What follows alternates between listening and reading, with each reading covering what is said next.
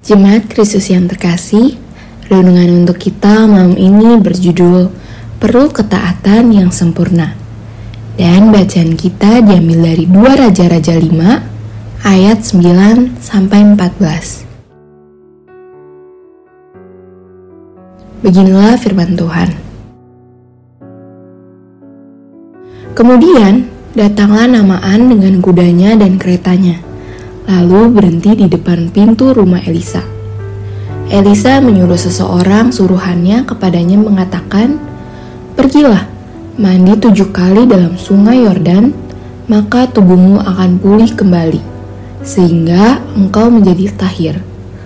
Tetapi pergilah Naman dengan gusar sambil berkata, Aku sangka bahwa setidak-tidaknya ia datang keluar dan berdiri memanggil nama Tuhan, Allahnya, lalu menggerak-gerakkan tangannya di atas tempat penyakit itu, dan dengan demikian menyembuhkan penyakit kustaku. Bukankah Abana dan Papar, sungai-sungai Damsyik, lebih baik dari segala sungai di Israel? Bukankah aku dapat mandi di sana dan menjadi tahir? Kemudian berpalinglah ia dan pergi dengan panas hati. Tetapi pegawai-pegawainya datang mendekat serta berkata kepadanya, Bapak, seandainya Nabi itu menyuruh perkara yang sukar kepadamu, bukankah Bapak akan melakukannya? Apalagi sekarang ia hanya berkata kepadamu, mandilah dan engkau akan menjadi tahir. Maka turunlah ia membenamkan dirinya tujuh kali dalam sungai Yordan, sesuai dengan perkataan abdi Allah itu. Lalu pulihlah tubuhnya kembali, seperti tubuh seorang anak dan ia menjadi tahir. Gambaran Naman adalah gambaran banyak orang pada masa kini yang mencari pemulihan dari Allah, namun ketika Allah berbicara, mereka tak mau mendengar. Justru lebih percaya dengan pikirannya sendiri.